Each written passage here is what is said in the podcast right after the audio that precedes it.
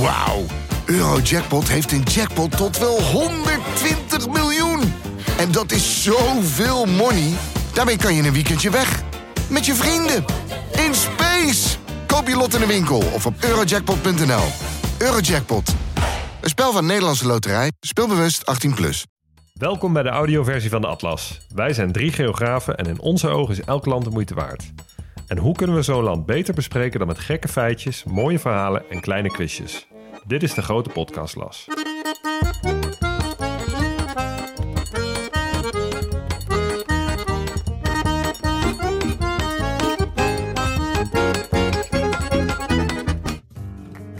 De aarde van de Centraal-Aziatische is er om bereden te worden. Galopperende paarden met jochies en jagers. Of stapvoets met joerts op hun rug. Eeuwenlang waren het kamelen in lange karavanen die voorzagen in delicate goedjes als meren en zijde. Hoe recenter, hoe zichtbaarder de voetafdrukken. Of inmiddels voertuigafdrukken. Sovjet-tanks moesten de regio binnenboord houden en allerhande ruimtevaartschepen werden in stelling gebracht op het platte niemandsland. Tegenwoordig trilt de aarde van langsrazende anonieme rechthoeken over spoor of over asfalt. Input naar het oosten, output naar het westen. De nieuwe flitsende oortjes waarmee jij hopelijk over anderhalf uur nog luistert, bevonden zich anderhalf maand geleden nog onder de Kazachse sterrenhemel. Wat doet dit met de regio? Wie is er eigenlijk de baas? Maar bovenal, waarom is dit zo'n ontzettend fascinerende regio en wat moet je er vooral niet eten? En met wie anders kunnen we dit vragen dan onze gasten van vandaag, Jelle Brand en Ruben Terlouw. Welkom. Dankjewel. Dankjewel. Welkom mannen. Die tekst kunnen we zo misschien gebruiken voor de serie. We hebben nog wat voice-overs nodig. Die hadden we best hard nodig. Toch? Ja. Mag we het misschien gebruiken. Bij deze heb je gesolliciteerd, Leon. Ja. Mooie stemming. Hey, we, we, hebben een heleboel te bespreken vandaag. En um, we beginnen altijd even met een, met een paspoortje van onze gasten. Um, we hebben even besloten om het niet heel lang te maken met een hele lijst aan alle dingen waar we van jullie kunnen kennen. Want het is een best wel een lange lijst bij allebei. Jullie maken samen een serie. Die gaat binnenkort live, daarover later meer. Maar eerst even goed om iets meer te weten over onze twee gasten van vandaag. En daarom gaan we eigenlijk, we gaan meteen even terug naar eind onze studententijd, jaar of tien geleden. Um, sommige vrienden en vriendinnen die werkten al. Maar als je bij mensen langs ging, dan waren er altijd een paar zekerheidjes. En de eerste zekerheidje is, je moest altijd aan afwassen voordat je kon gaan eten. Uh, er lag altijd een bed of een, of een bank uh, vol met kleren. En de andere was, er stond altijd wel een exemplaar van de universele reisgids voor moeilijke landen. Ja. En wat mij destijds opviel van, uh, van jou Jelle, ja. uh, is dat er, en eigenlijk ook na de tijd dat ik heel veel uh, series en, en, boeken van je ben gaan, gaan kennen, ja. is dat je best een sterke inhoudelijke focus hebt op bepaalde regio's in de wereld. Zou je ons iets meer kunnen vertellen over welke regio's dat precies zijn en hoe je daar bij terecht bent gekomen? Nou, de, de meest voor de hand liggende regio is eigenlijk de hele voormalige Sovjet-Unie. Waaronder ook uh, flink van, van de aantal van de landen die uh, in de serie ook uh, aan bod komen straks. Die serie die ik met Ruben heb gemaakt. Um, ik heb wel uitstapjes gemaakt naar onder andere naar India. En journalistiek gezien vond ik dat ook heel interessant. Maar ik voel echt dat mijn, mijn hart nog steeds ligt bij die voormalige Sovjet-Unie. Ook de Caucasus, die natuurlijk, die natuurlijk daaronder valt. Um, ik heb ook een serie gemaakt over kunstmatige intelligentie. En daar hebben we ook op hele andere locaties gefilmd. Maar, maar ik, ik blijf gewoon naar deze regio terugkeren. Dus daar ligt echt mijn hart. En hoe ben je daar terechtgekomen? Um, dat kwam omdat uh, uh, het uit was met een vriendin. Ik zou met haar naar Italië gaan. Het was 2000, ik was 22. Weet jij misschien niet eens, Ruben? waarom, ja, waarom, hoe is het allemaal begonnen? Ik was 22 en het was uit en ik had geen vakantieplannen. En toen had ik een vriend aan de lijn en toen um, zei ik tegen die vriend: laten we naar Odessa gaan. Terwijl ik eerlijk gezegd helemaal niet wist waar dat lag. Nou, dan ga je al met, met Oekraïne, dat het een soort van ondergeschikt land is. Ja, dat het niemand echt wist van het hele Oekraïne. Ik, wist, ik, ik zocht het op in de atlas.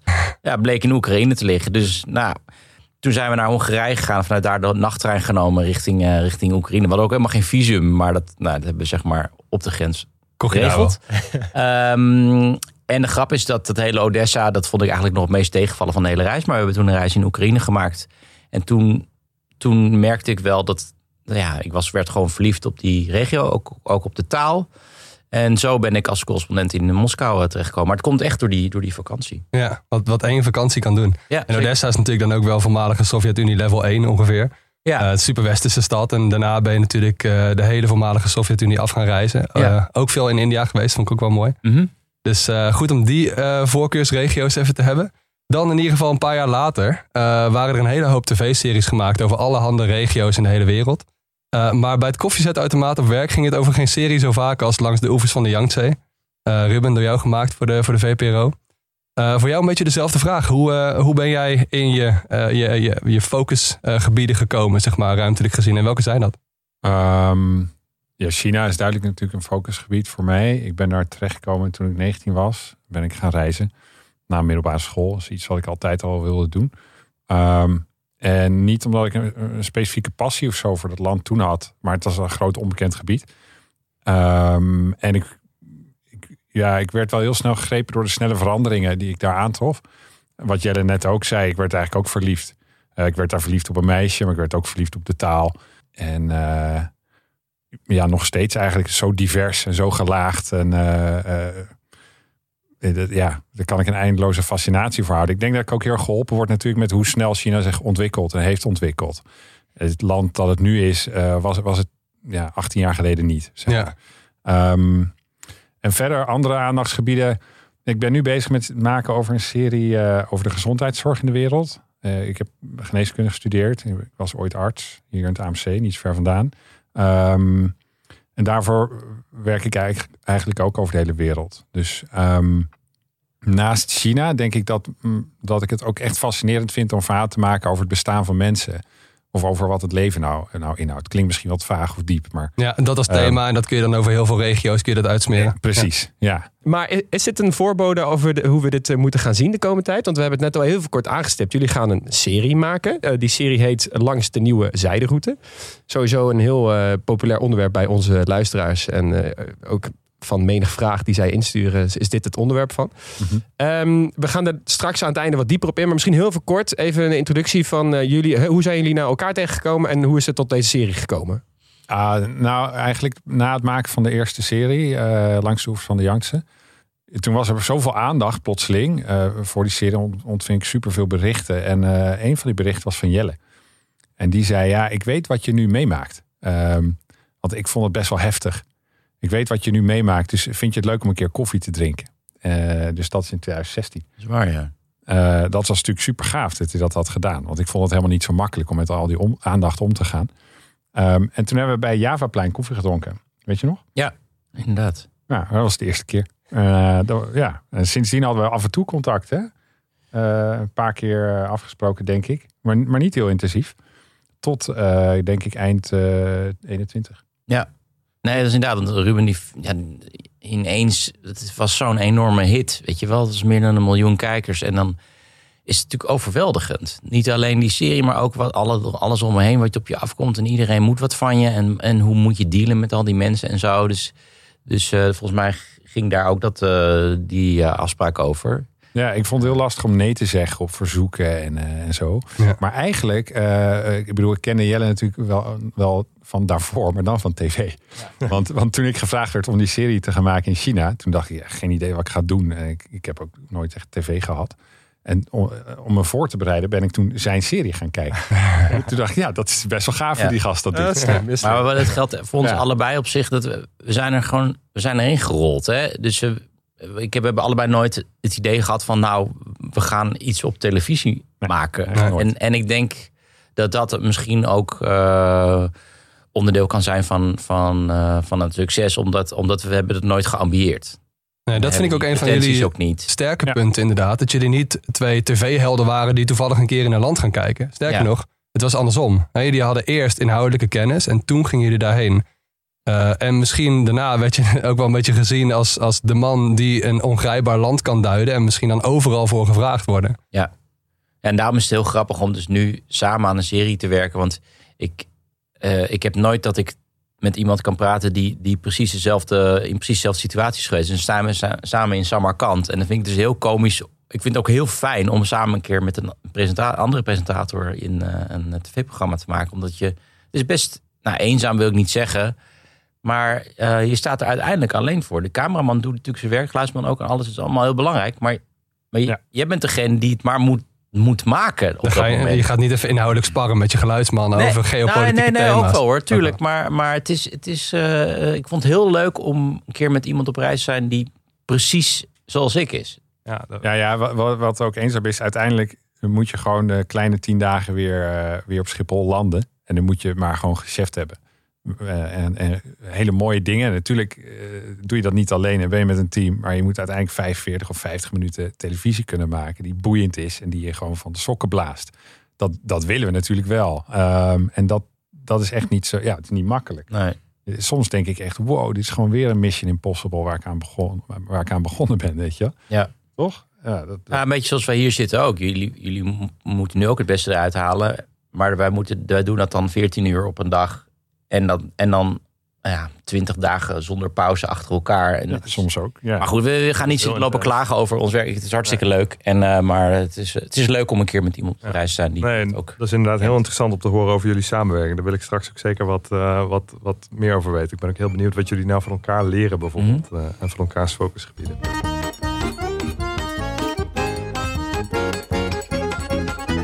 Ehm, ja, we beginnen even met het hoofdstukje wat karakteristieken van Centraal-Azië. Waar ligt het? En eh, heel kort misschien even de geschiedenis. Ehm, want allereerst, kijk, het is heel logisch als je geografisch kijkt dat ja, tussen China en Rusland heb je heel wat liggen. Maar je hebt daar heel, ook vooral heel veel Centraal-Azië liggen. Ehm, eh, misschien is het even goed om even te vertellen voor jou, eh, Ruben, waarom deze regio los van China jou interesseert. Dus nu heb ik het echt over Centraal-Azië, dus over de Aha. Kirgiziërs en Oezbekistan van ja, deze wereld. ja. Eh, twee redenen waarom het me het meest interesseert is denk ik omdat Afghanistan daar ligt. En ik, heb daar, eh, ik ben er best veel geweest eh, toen ik nog veel fotografeerde.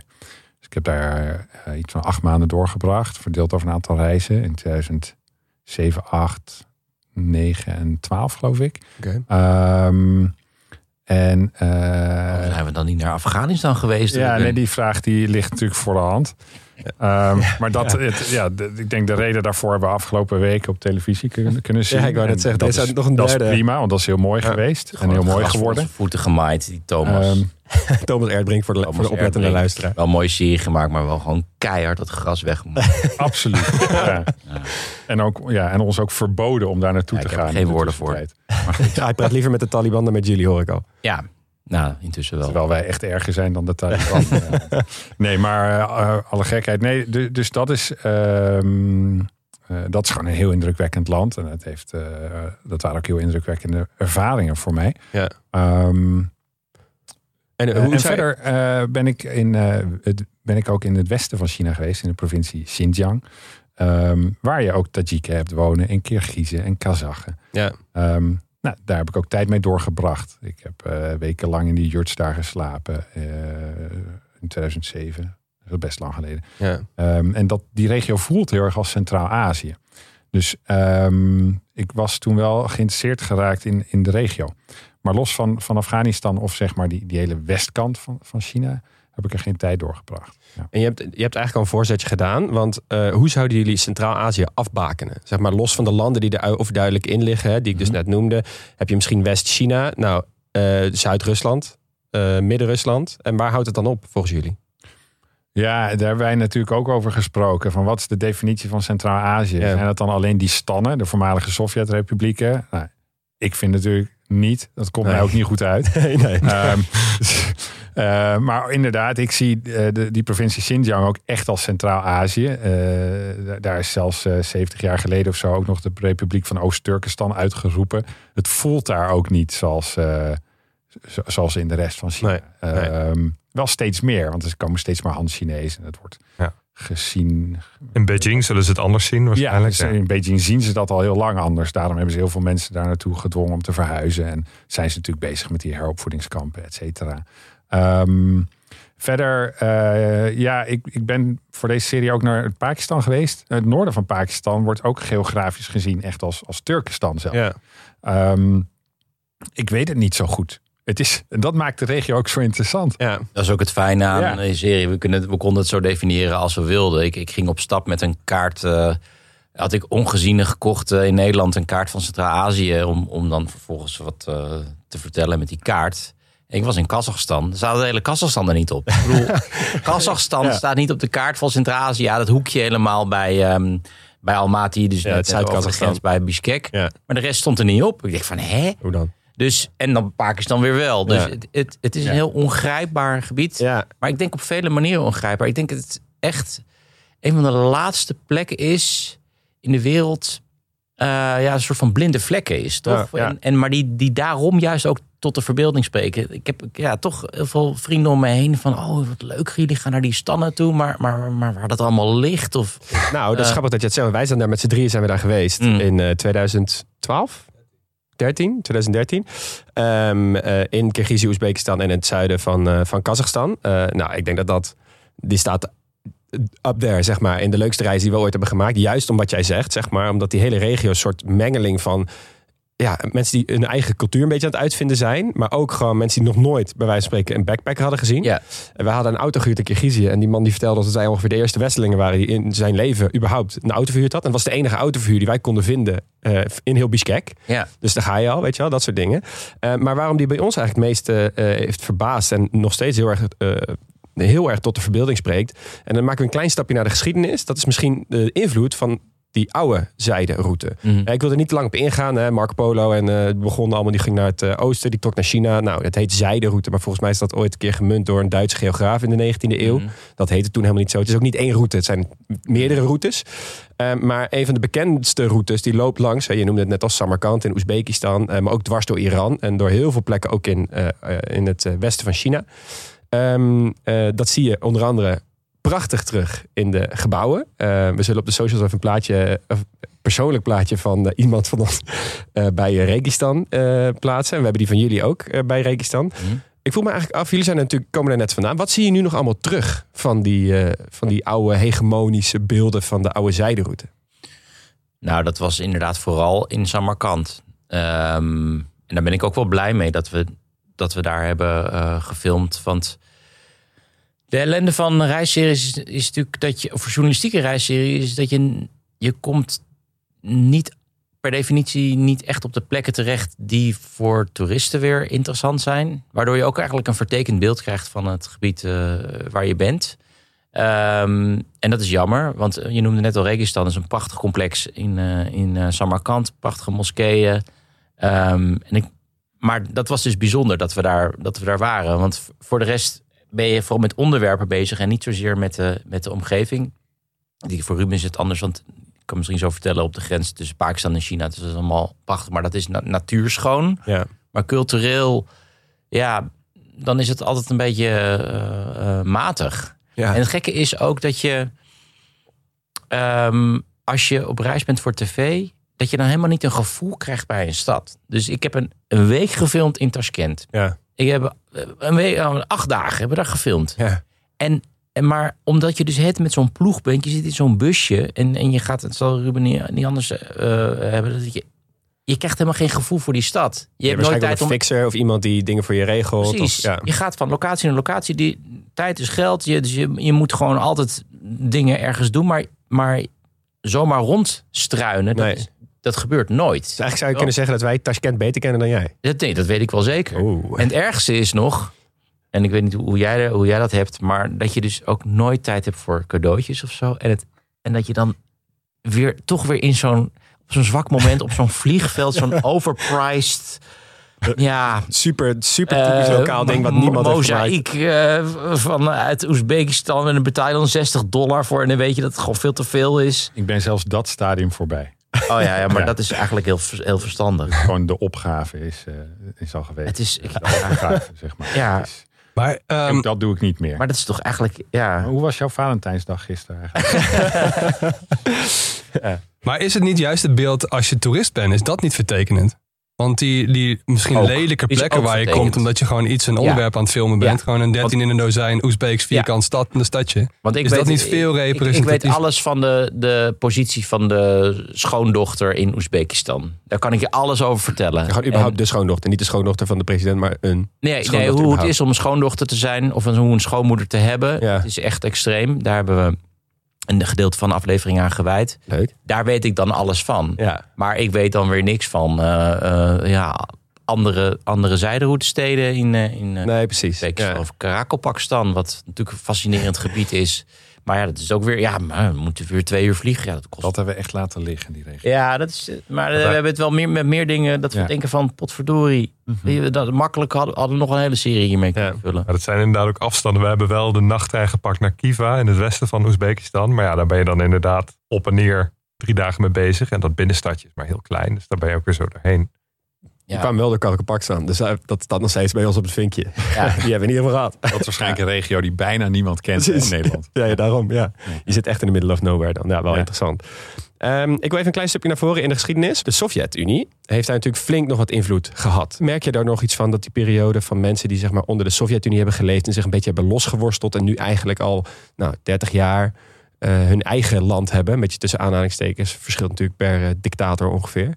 Merk je daar nog iets Eh, van? Het verschilt vooral per persoon. Want eh, als je het aan een eh, etnische Oezbeek vraagt, ehm, of etnische Kirgiz, dan zullen zij heel eh, blij zijn dat ze een eigen land hebben. Maar als je het aan een etnische Rus vraagt, die daar zijn beland door grootschalige Russificatie van eh, al die Sovjet-republieken, Mhm. Ja, die vinden dat verschrikkelijk. Ik, bedoel, ik ben op stap geweest met de directeur van een uraniummijn. In Kazachstan Eh, waarschijnlijk. Nee, in, eh, in Oezbekistan. ehm, eentje buiten Tashkent. De grootste uraniummijn van de Sovjet-Unie. Werd gebruikt voor de eh, verzamelen van uranium voor atoomwapens. Nou, met het eind van de Koude Oorlog was hij niet meer nodig. Eén op de andere dag, zo, echt het moment dat die Sovjet-Unie uit elkaar, uit elkaar viel, ging die mijn dicht en iedereen zat zonder werk. Ja. En die man dus ook. En ik vroeg hem ook van dat uiteenvallen van de Sovjet-Unie. Wat vond u dat eigenlijk erg? Nou, dat is een beetje vragen naar de bekende weg. Ja. Of vond u dat een catastrofe? Hij zegt, nee, ik vond het geen catastrofe. Dit was veel erger dan een catastrofe. Ja. en begon te schelden op Yeltsin en Gorbachev... die het land verkwanseld en dit en dat. Dus, Ja. maar ja, het hangt er vanaf wie, wie je het vraagt. Ja. Ehm, eh, en een hele interessante ontwikkeling is... maar daar kunnen we misschien straks nog over hebben... is dat eh, de Russische taal... eh, toch altijd iets is geweest voor mensen van statuur, voor de intelligentsia. Dat was de, de, de, de lingua franca voor sowieso voor het hele gebied. Maar het was. eh, en mensen keken eigenlijk neer op Kirgizisch, Kazachs. Dat was toch meer. Terwijl dus in Kazachstan, hè, maar Ja. keken ze toch een beetje op neer van, oh, die praat alleen maar Kazachs. En Ja. dat is nu aan het veranderen door de, door de oorlog in Oekraïne. Dat is totaal anders nu. Ja. Nu is het precies andersom. Nu is het echt de bedoeling dat je eh Kirgizisch spreekt. Heel veel jonge mensen zijn die taal aan het leren. En het Russisch, eh, ja, ik heb gewoon gehad. Ik was aan het filmen in Almaty. En eh, bij een jonge journaliste. En ik, ja, ik loop er gewoon binnen en ik, ik begin in het Russisch. Ja. En die jongen onderbreekt die zegt... eh, zullen, we stop, zullen we overschakelen in het Engels? Want Russisch is de taal van de bezetter. Ik denk van, Oh, holy moly, wat is iets hier veranderd? Ja. Dus er is heel veel aan het veranderen nu op dit Ja. moment in Centraal-Azië. En daarom is het denk ik zo goed dat we ook juist nu die serie aan het maken net Ook zeggen, veranderingen door, door, door de invloed van China. Ja, want Ruben, ik zie jou knikken. Eh, even als laatste vraag in mijn onderdeel. Van, heb- merk jij dit ook? Zie jij dit ook? Dat jij, eh, want het is denk ik ja, niet jouw eerste kennismaking met de regio. Dus voor jou is er ook wel, je hebt ook mensen gesproken die er misschien al een tijdje zitten. Hoe zie jij dit? Ehm, ja, nee, ik, ik herken wel wat Jelle zegt. En ik, ik herken wat jij, het verhaal van die man in de Oezbeekse eh, uraniummijn. Ehm, dat lijkt ook heel erg op hoe ze in Siberië praten over de ineenstorting van de Sovjet-Unie.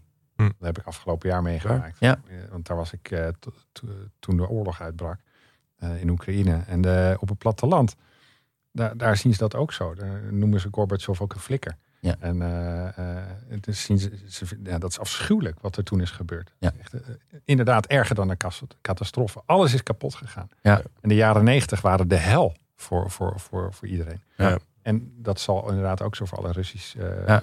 etnische Russen zijn in, in Centraal-Azië. Verder, eh, ik heb beperkte ervaring nu natuurlijk in, eh, in Centraal-Azië. Maar het viel me op dat veel jonge mensen, zo in Tajikistan waar ik heb gefilmd, als in Kazachstan. Zij zijn erg bezig met hun identiteit. met het loskomen van, van het Sovjet-koloniale verleden.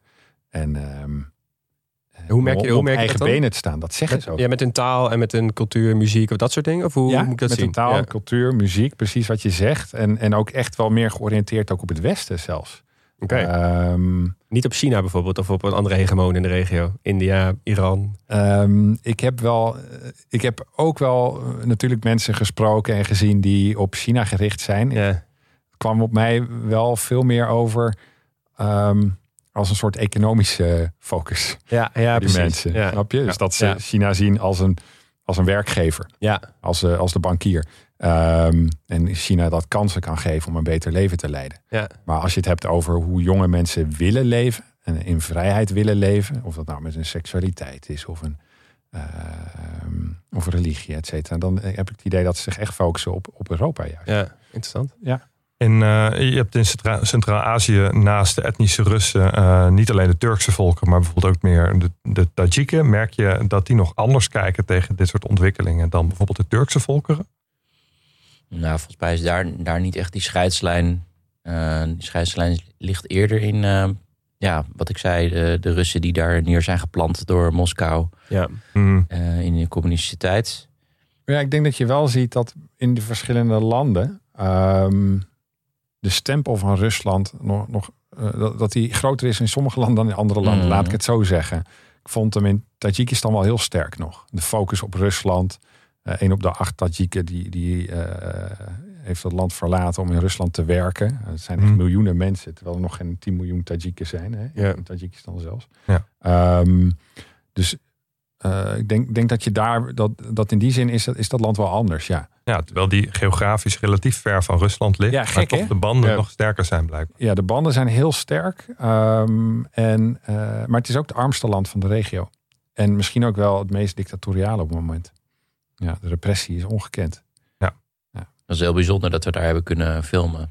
Dat is echt, eh, ja, het is enigszins met Noord-Korea te vergelijken. Ik weet niet, zijn jullie ook op vakantie geweest? Of? nee, Nee, Tajik- Tajikistan hebben we gemist. We hebben wel al eerder een aflevering over Tajikistan gemaakt. Ah, ja.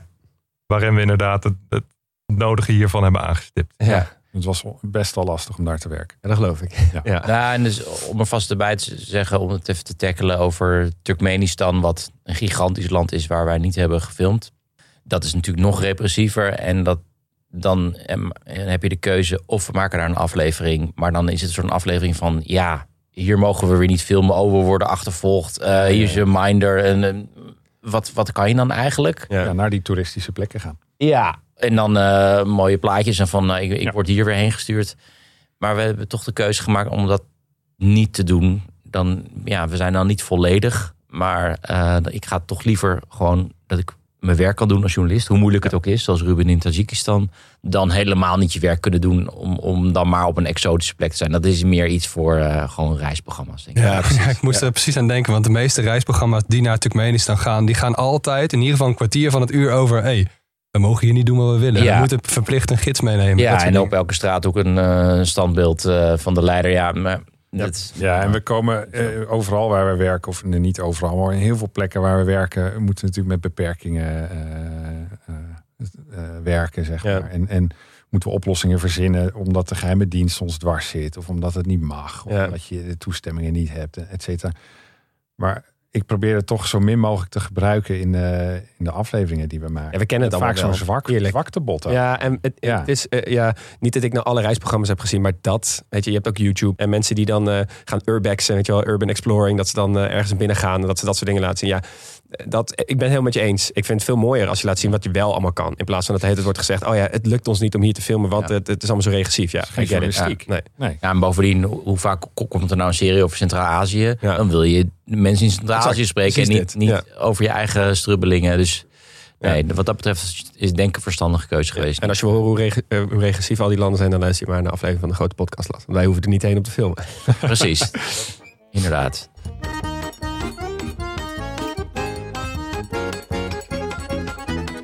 Hey, dan wil ik graag voor het tweede hoofdstukje een eh, stapje maken naar de geopolitiek moderne tijd. En ik heb heel veel een introotje aan de hand van de- een van de bekendste geopolitieke eh, theorieën uit begin 20e eeuw.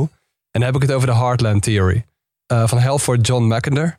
Eh, eigenlijk de theorie was, hè, je hebt de wereld, die is opgedeeld in een paar delen, eh, waarvan eh, het wereldeiland de belangrijkste was. En het wereldeiland was dan Europa, Afrika en Azië. En het hart van het wereldeiland, dat was precies Centraal-Azië, grofweg. Ehm, hij definieerde los, eh, losjes um, who rules East Europe commands the heartland. Who rules the heartland commands the world island. And who rules the world island commands the world. Dan hebben we het even over hoe belangrijk ehm, Centraal-Azië was in ieder geval in de 20e eeuw. En inmiddels zijn we een Sovjet-Unie later. eh, is, de Amerika, of is, is de Verenigde Staten is op het wereldtoneel verschenen als supermacht. Eh, en spreekt men zometeen ook over het begin van de Aziatische eeuw. Nou, daarin is Centraal-Azië nog steeds super belangrijk. En ik wil het eigenlijk daarin met jullie geopolitiek gezien even hebben over drie machtsblokken uh, die allemaal iets willen in Centraal-Azië. En dat zijn de VS, China en Rusland. Daar wil ik het kort even over hebben. En ik begin even bij de VS. Want net na de Koude Oorlog zijn de VS zijn natuurlijk op het wereldtoneel verschenen uh, in Centraal-Azië. En ik vroeg me even af bij jullie, uh, hoe is dat verlopen, die tijd? En wat zijn belangrijke thema's die er voor de VS uh, spelen in Centraal-Azië? Zo. Zo, dat is nogal een vraag. Hè? Um, nou ja, ik denk dat het is niet uh, vlekkeloos verlopen. En uh, kijk maar alleen naar Afghanistan. Dat is natuurlijk een heel groot hoofdstuk waar de VS toch aan het kortste eind heeft getrokken. Um, ik denk ook dat de VS relatief weinig, uh, of misschien wel te weinig, heeft geïnvesteerd in de regio. Om, de, om die regio aan zijn kant te krijgen. Um, het is in, uh, als je zeg maar de, de, ineenstorting van de Sovjet-Unie ziet, niet heel lang geleden, het heeft natuurlijk een gat geslagen in de regio. De VS heeft daar niet heel goed gebruik van weten te maken. Um, ik denk dat, dat we dat nu wel kunnen stellen. Um, ja, uh, ja, dat is eigenlijk wat ik ervan ken. Uh, wat ik ervan heb gezien in Afghanistan. Ik ben met die Amerikanen daar op stap geweest.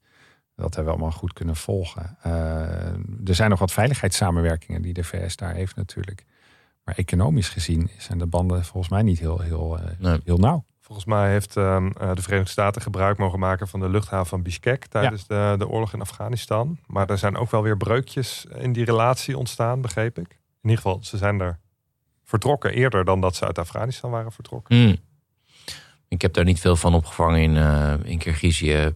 Ik heb niet het idee dat ze uitgesproken anti-Amerika zijn, maar, maar pro-Amerika ook niet. Mhm. Hm. Nee, dan spelen China en Rusland denk ik een uh, grotere rol. Een grotere rol. Nou, Pakistan heeft natuurlijk ook een heel grote rol gespeeld als het gaat om uh, de rol van de VS in Centraal-Azië. Dat is natuurlijk ook een, een lanceringsplatform geweest eigenlijk. Dan spreken we nu over de jaren 90, denk ik. Uh, nee, eerder nog. De jaren 80. Toen uh, de Russen in Afghanistan oorlog voerden. En die verslagen werden met behulp van de Mujahideen. Uh, die gesteund werden door de CIA.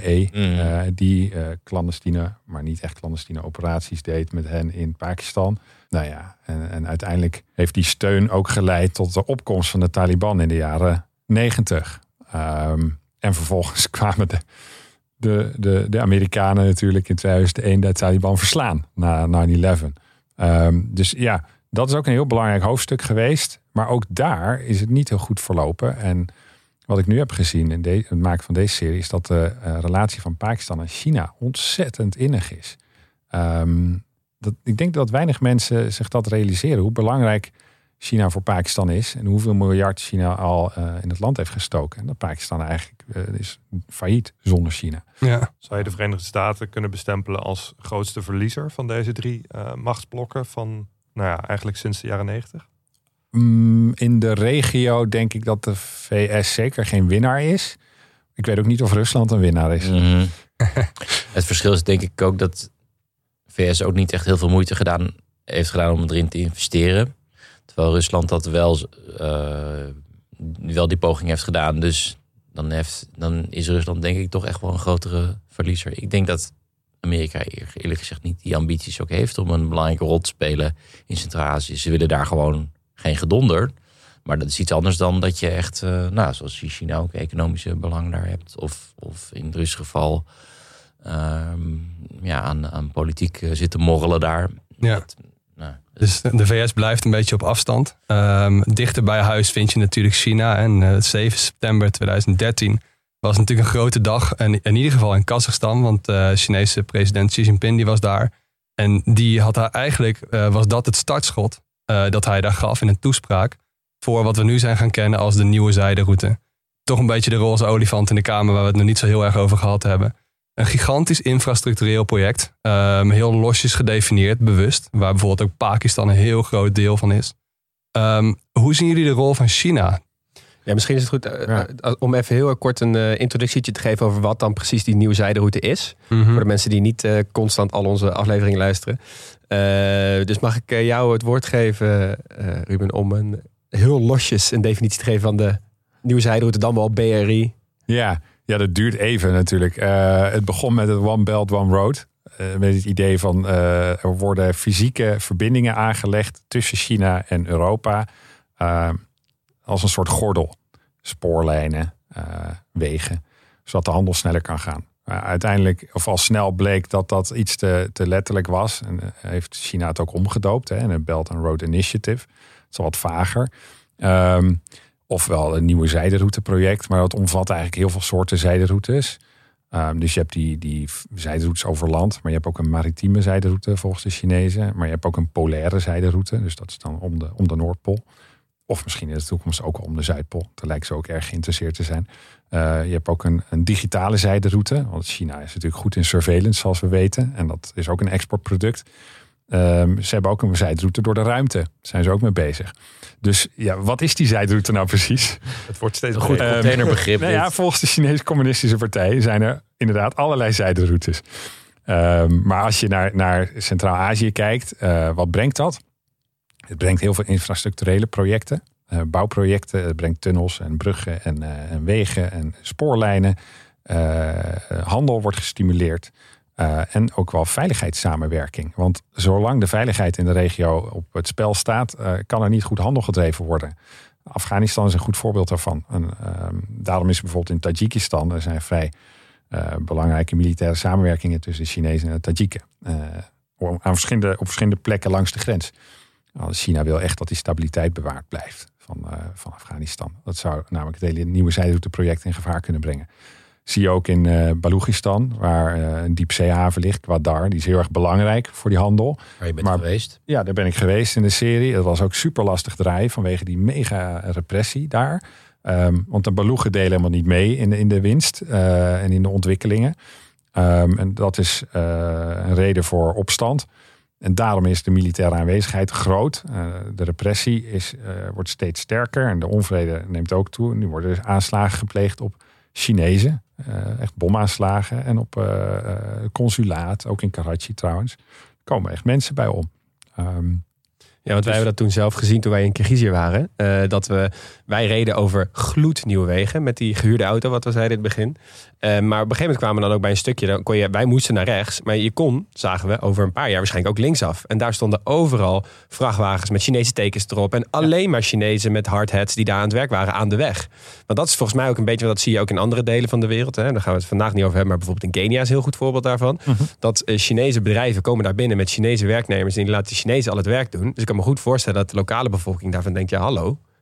Eh, en wij dan? Hè? Ja. Wij, je krijgt, we krijgen hier straks misschien wel een weg, maar zoals we in de intro ook al zeiden, is die dan alleen bedoeld om jullie goederen van, van oost naar west te transporteren? Of mogen wij er ook iets mee? Merk je daar nu al iets van in die regio? Hoe die houding tegenover China? Maar daar Ja. toch ook wel, toch? Ja, die, die onvrede die merk je eigenlijk overal in de wereld. Ik heb natuurlijk eh, ook een andere serie gemaakt, De Wereld van de Chinezen. Inderdaad, de Kenia, wat je net eh, aanhaalt. Ja. Uh, je merkt het overal en zeker ook in Centraal-Azië. Dat, dat ze zeggen, ja oké, nieuwe weg, hartstikke fijn. Maar eh, de regering heeft nu een miljardenschuld. En die kunnen we helemaal niet terugbetalen. Ehm, of dat duurt eh, eindeloos. Dus nu zijn we eh, afhankelijk van China. En bovendien, waar je ook komt, mensen willen toch wel vrijheid. En ze snappen ook dat het politieke model van China dat niet zo ondersteunt. Ehm, dus die zijn niet gek. Die, die zijn ook bang dat ze te, afhankelijk worden van, van, ehm, van Beijing. Ehm, ja, in Pakistan heb ik dat ook wel meegemaakt. En, maar gek genoeg, ehm, ook in heel veel landen heb je ook hele arme mensen. En die, die zeggen juist wel, we moeten met China samenwerken, want eh, dan kunnen we geld verdienen. Dus het hangt er ook vanaf wie het vraagt.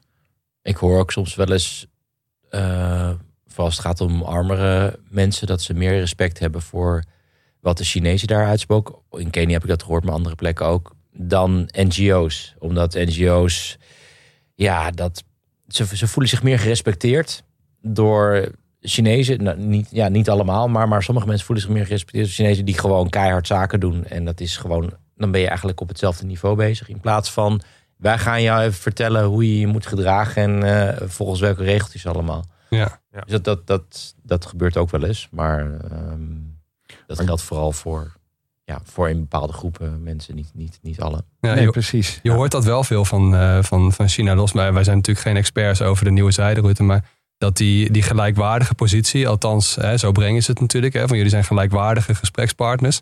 Eh, als het dan misgaat, hè, dan, heb je het ook, dan, dan heb je het ook zelf gedaan. Maar dat is heel anders dan de paternalistische blik die we vanuit, vanuit het Westen hebben. Ehm, dat wij even gaan bedenken wat goed is voor die landen eh, en onze voorwaarden gaan stellen. Ja, en die eerlijk is eerlijk ook niet altijd heel veel heeft opgeleverd in, in Afrika in de jaren 90 bijvoorbeeld. Mm. Nee, ja, in- China stelt geen eisen, eh, geen ideologische eisen aan de mensen met wie ze zaken doen. Hmm. Daar kun je natuurlijk ook wel wat van vinden. Ehm, Ja. ja, dus zij, zij doen ook zaken met een hoop dictators in de wereld. Ja. Ehm, ja, en dat leidt inderdaad dan wel tot een snellere ontwikkeling van zo'n land. Ja, ik vind het wel lastig hoor. Of je, of je dat dan toch goed moet vinden. Mhm. Ze zijn daarin ook sponsors van de repressie. Ja. Ja. Ja, wat de Verenigde Staten in de 20e eeuw natuurlijk ook wel is geweest. En Ja. wel eh, hè, gunstig gezinde dictators eh, eh, te vriend heeft gehouden. Zeker, en dat doen we natuurlijk nog steeds. Dat doen we natuurlijk nog steeds. Maar dat maakt het nog niet. eh, Dat maakt China niet eens een engel. nee, of zo. nee, het moderne zeker niet. Nee. nee, dat maakt het nog niet goed. Nee. Nee. Hey, en dan de relatie met, met Rusland. Dat is misschien wel even de belangrijkste hierin. Kijk, zij zijn, ehm, zij zijn altijd, of in ieder geval de laatste eh, eeuwen, heel belangrijk geweest eh, voor de nou, samenleving, voor de economie, voor de politiek van Centraal-Azië. Op een gegeven moment was het einde van de Koude Oorlog. Andere grootmachten kwamen Centraal-Azië in, want iedereen wilde een stuk van de koek. Ehm, hoe is de relatie van die landen met Rusland nu?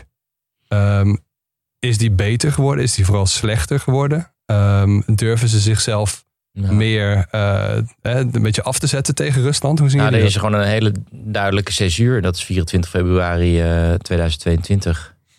Ik kan je een verhaal vertellen voor, voor die datum. Maar we zitten nu na die datum. Dus over, over een week eh, is dat precies een jaar geleden. Ehm, en dat, ik denk dat dat interessanter om, om het daarover te hebben. Hoe die oorlog ehm, het denken in die landen heeft veranderd. Want ehm, de oorlog in Oekraïne gaat onder andere over de Donbass, waar een grote Russisch-talige minderheid zit. Maar er zit ook een grote Russisch-talige minderheid in bijvoorbeeld het noorden van Kazachstan. 30% van de bevolking daar is, is Russisch-talig.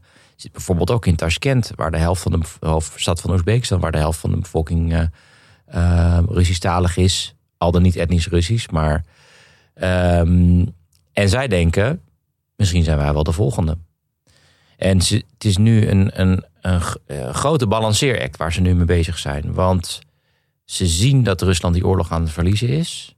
Maar ze zijn ook nog, ze zijn, het is nog te vroeg om de kant van het Westen te kiezen. Dus je ziet dat ze de oorlog niet. eh, ze, ze veroordelen trouwens wel de oorlog. Eh, dus is de balanceer. Ze, ze veroordelen de oorlog in, in alle VN-resoluties. Krijgt de steun van Centraal-Azië. Maar ze doen niet mee aan de sancties. Ja, ja. En zo proberen ze een, een weg tussendoor te laveren. Ehm Kazachstan ehm, officieel levert geen hulp aan eh, Oekraïne. Maar als je in Bakhmut kijkt, dus hebben ze, dan drie, ze hebben daar drie yurts neergezet. Ehm, waar mensen zich weer kunnen opwarmen en je telefoontje opladen en, en alles. En het, het hart van eh, de Kazachen en de Kirgizen en de Oezbeken ligt echt bij de Oekraïners. Omdat zij denken, ja, misschien zijn we de volgende. En het zet ze ook aan het denken over wie zijn wij nou eigenlijk? Want we zijn misschien meer dan de restant van de Sovjet-Unie. Dat ze veel meer bezig zijn met hun, met hun eigen identiteit. Ik had net al over taal, maar het, het gaat ook, ook over cultuur. Dus er is heel erg veel aan de gang. Tegelijkertijd heb je een, een hele groep mensen die nog steeds hun nieuws halen van eh, de Russische televisie. ja. En die daar heel anders tegenaan kijken. En ruwweg kan je zeggen dat de oudere generatie nog steeds die shit kijkt op tv. En de jongere generatie meerdere bronnen raadpleegt. Eh, dus er is een, is een enorme spanning tussen die generaties. Ook vaak binnen een gezin.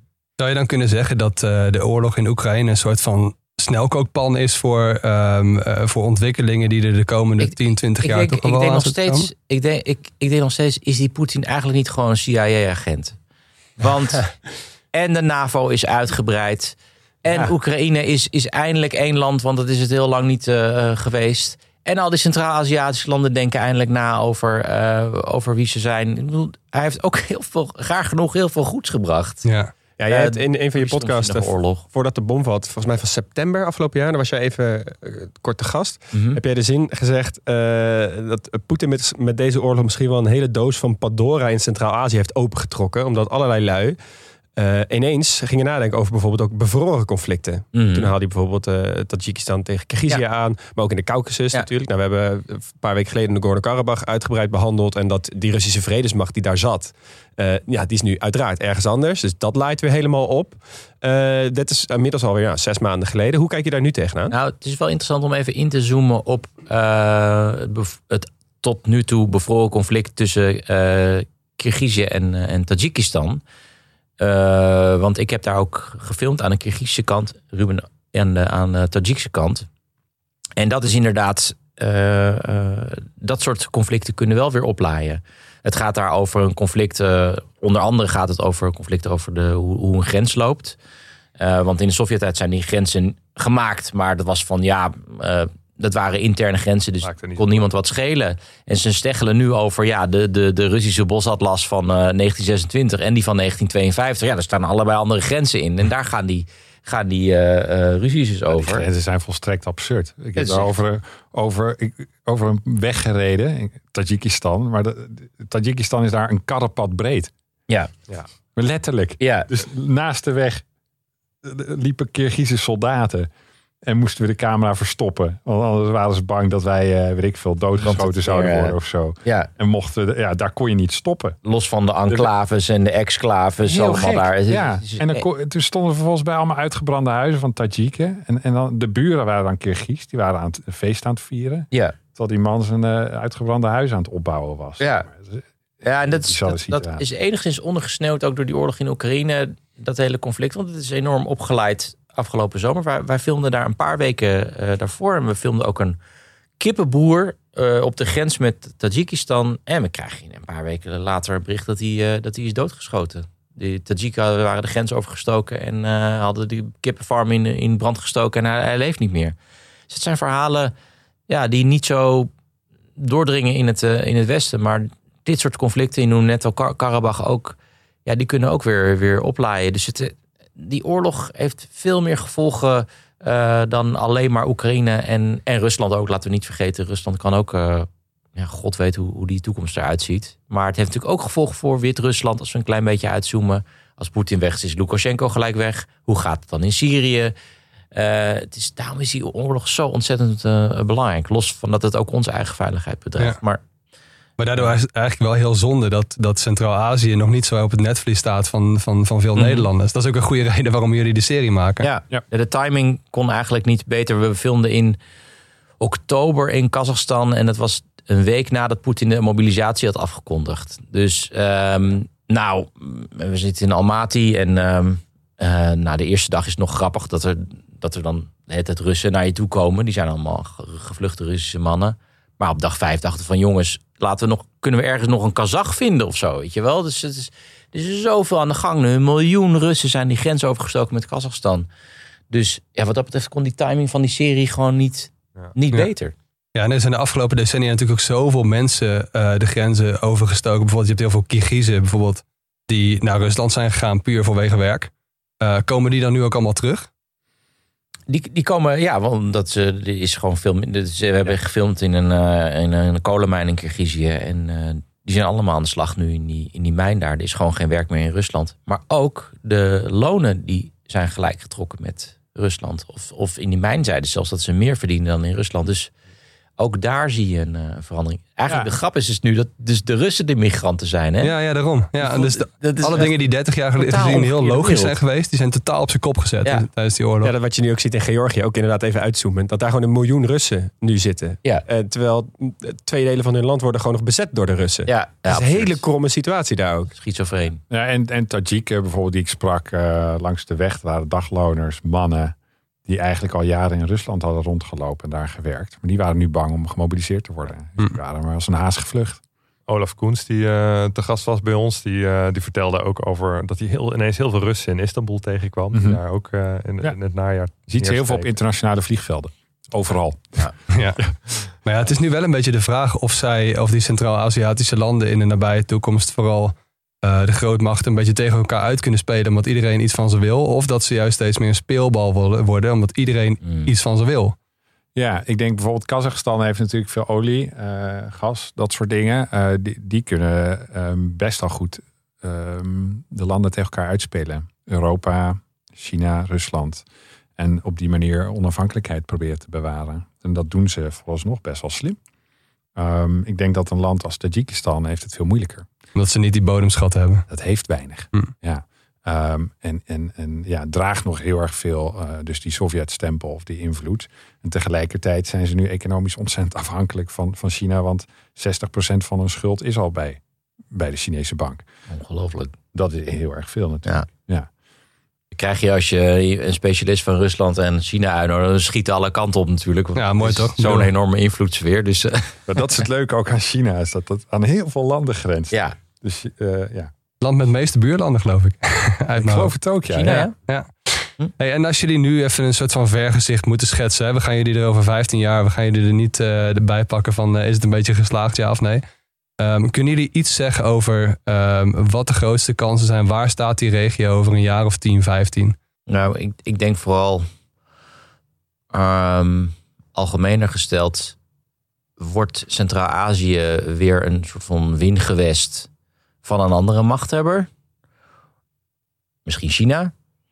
Of zal het echt een gebied zijn dat, dat ja, eh, eh, echt onafhankelijk is en ehm, economisch sterk? En Ruben noemde net Kazachstan, dat, heeft, dat land heeft misschien de beste papieren wel.